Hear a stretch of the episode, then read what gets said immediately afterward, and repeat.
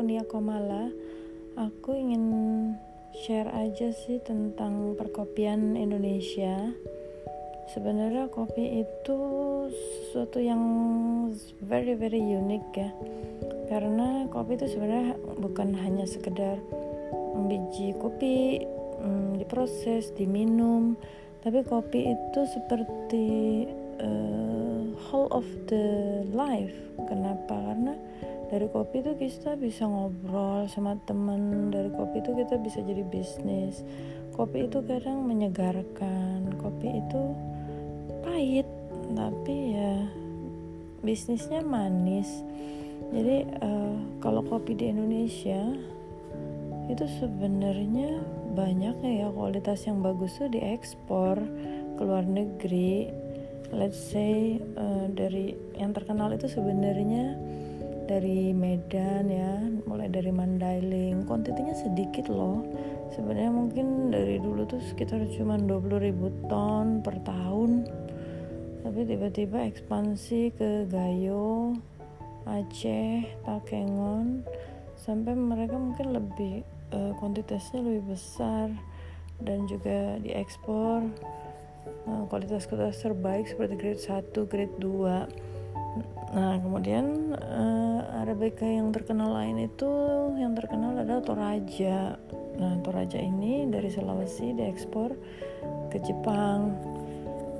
Nah, uh, sisanya sih mungkin ya Arabica yang terkenal itu kayak Kintamani, oh, Bali, kemudian Jawa, Blue Java.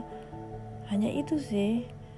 Nah, mulai sekarang ya couple years ago banyak eh, daerah-daerah uh, baru uh, lebih memarketingkan lah istilahnya kopi dari mereka. Bajawa Flores and then uh, Solok Padang kemudian Jawa Barat dengan istilahnya Parahyangan pada dasarnya sebenarnya market untuk Arabica itu ya di Medan gitu. Karena apa? Pusat pembelian Starbucks purchase chain itu sebenarnya ya di Medan. Jadi in the past uh, base uh, coffee-nya Starbucks itu sebenarnya Mandailing kenapa Mandailing Mandailing itu one of the best coffee yang kalau semua hampir kopi itu jika diproduksi untuk can coffee aromanya itu masih tetap keep. Nah, kopi-kopi lain, arabica lain dari negara lain atau daerah lain itu sebenarnya aromanya uh, beberapa aspek itu bisa hilang. Nah, hanya the best is mandailing, makanya mandailing itu sangat mahal. Let's say kalau misalnya sekarang berapa ya mandailing itu 75.000 per kilo. Kan kayak Jawa Barat hanya arabikanya 65 atau ya di bawah itulah ya. Nah dulu itu originality of Mandailing itu very very high ya. Almost 100% exported quality is as Mandailing Mandailing itu sebenarnya uh, untuk regular Mandailing itu banyak banget loh kita. Misalnya mandeling dari si borong-borong beda sama mandeling dari si dikalang. Beda lagi mandeling dari beras tagi. Tapi semua ya uh, basically di mix ya untuk diekspor es mandeling uh, regular aja. Tapi kalau misalnya kita mau uh, breakdown lagi setiap daerah dia punya aroma yang beda-beda gitu Lintong is one of the famous uh, Arabic coffee in yes uh, North Sumatra. Itu pohonnya pendek banget. Mungkin sekarang kayak udah 30 35 tahun loh. Nggak di apa renew. Uh, kebayang ya produktivitasnya rendah gitu kan. Le beda sama Brazil. Brazil itu kalau Arabica mungkin setiap ya kayak mm, 4-5 tahun itu dia ya pohonnya dihancurkan dicabut di lagi gitu. Untuk uh, apa meningkatkan produktivitas quantity gitu kan. Kalau di Indonesia itu ya insentifnya nggak banyak edukasi ke petaninya juga nggak terlalu baik gitu kan. Yang penting mereka hanya bisa makan dari hasil jual kopi which is hanya musiman ya. Kalau di Arabica itu kan musimnya sekitar uh, ada dua harvest. Yang harvest pertama itu di sekitar Oktober November. Ya paling berjalan hanya 3-4 bulan ya uh, until peak uh, time. Kemudian second harvest itu which is less quantity around Februari Maret. Jadi uh, dibandingkan dengan Brazil ya yang kuantitinya sangat besar gitu. Ya kita tuh sebenarnya hanya me mempertahankan dari segi aroma dan niche market banget gitu. Ya istilahnya hanya penyuka-penyuka kopi di luar negeri Amerika dan Eropa aja sih kayaknya yang akan mampu beli kopi Indonesia gitu. Ya uh, kita lihat nanti ya. Sekarang Indonesia tuh bisa jadi net importer ya uh, karena demand lokal sendiri start dari beberapa puluh tahun yang lalu hanya 100 ribu ton. Kemudian udah beberapa puluhan tahun naik jadi 20 ribu ton. Sekarang itu mungkin demand di Indonesia kopi udah hampir 250 ribu ton. Bayangin. Tapi produksinya produktivitasnya nggak ningkat-ningkat. Nah, jadi gimana caranya? Tetap kopi yang Indonesia yang enaknya diekspor. Kita ya impor kopi-kopi Arabica yang dari negara lain lah yang lebih murah gitu kan. Ya suatu saat kita akan minum bukan kopi sendiri sih. Ya istilahnya who can pay higher price then they will get our coffee gitu loh nah kopi ini uh, kalau misalnya kita uh, bilang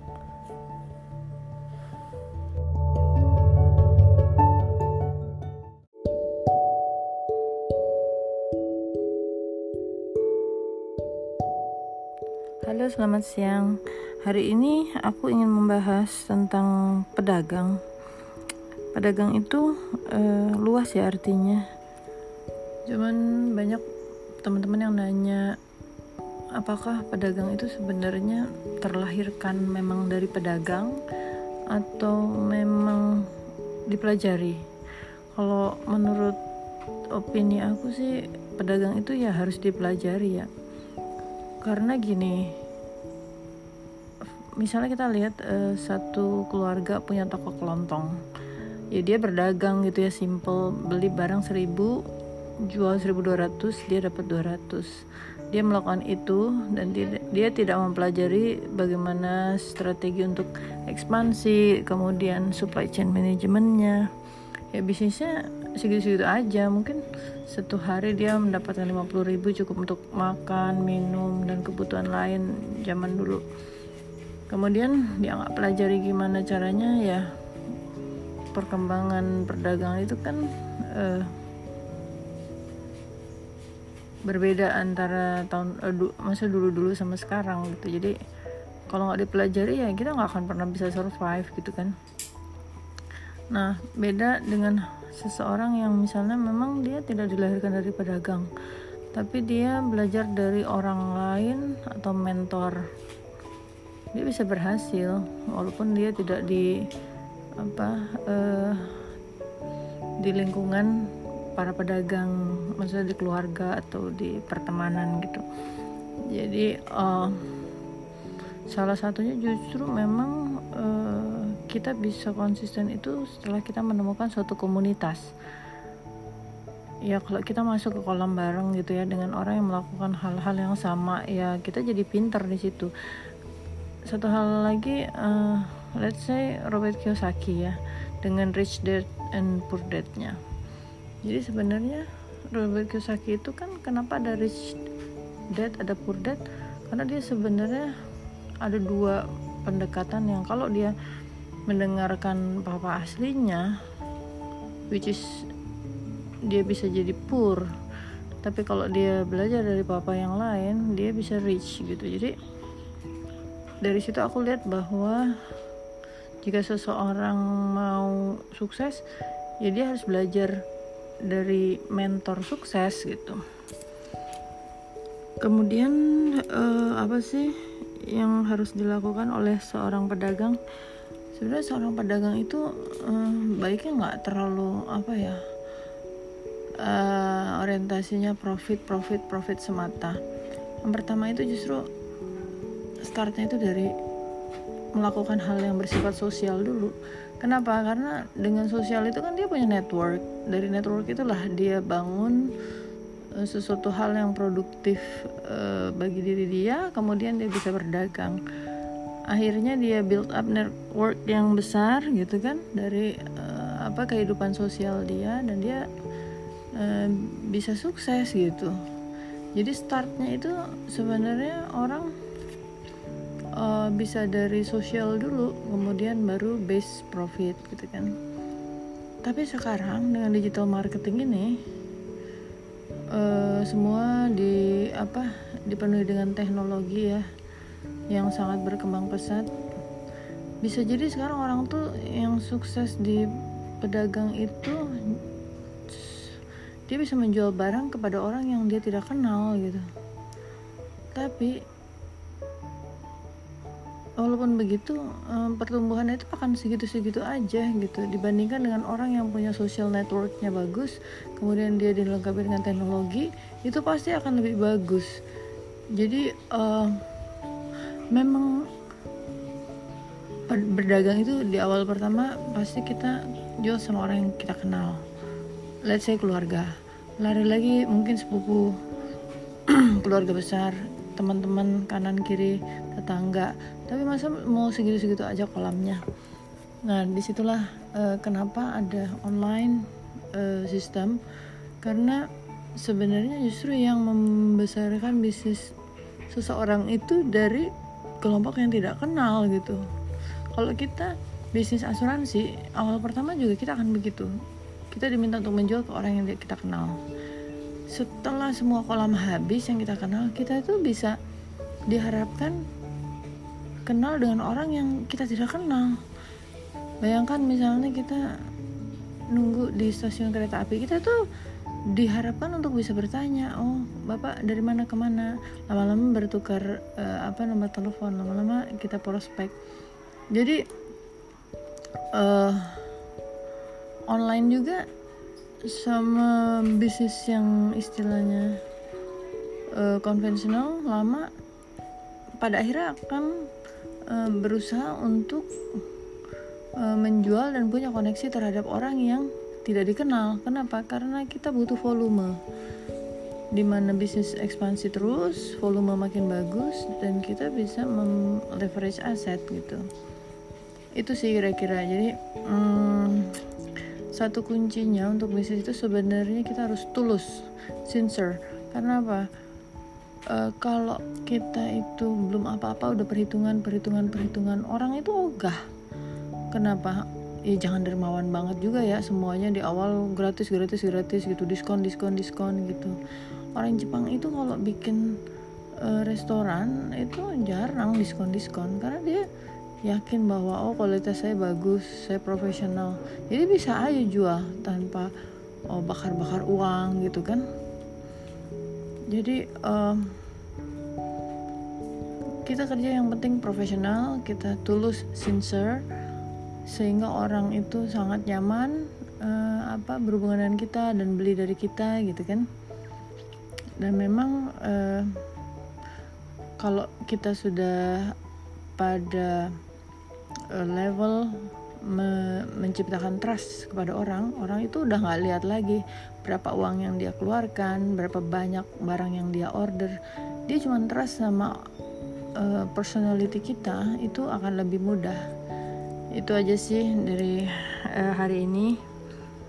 Um, jadi menurut aku pedagang itu bukan sesuatu hal uh, yang didapat dari keturunan bisa dipelajari. Dan bagaimana cara pedagang yang sukses itu menurut saya ya kita harus sincere tulus kita juga uh, harus sodakoh gitu ya. Um, berbuatlah apa baik untuk uh, masyarakat sekitar gitu kan. Dan ya dari niatkan yang baik fokus planning semua operational bagus marketing kita juga bagus networking bagus dan terakhir ya kita uh, mau nggak mau harus belajar untuk upgrade teknologi karena uh, lari-larinya sekarang yang bisa survive adalah orang yang move on dan salah satunya adalah um, Zewi in Technology itu aja. Makasih. Salam sukses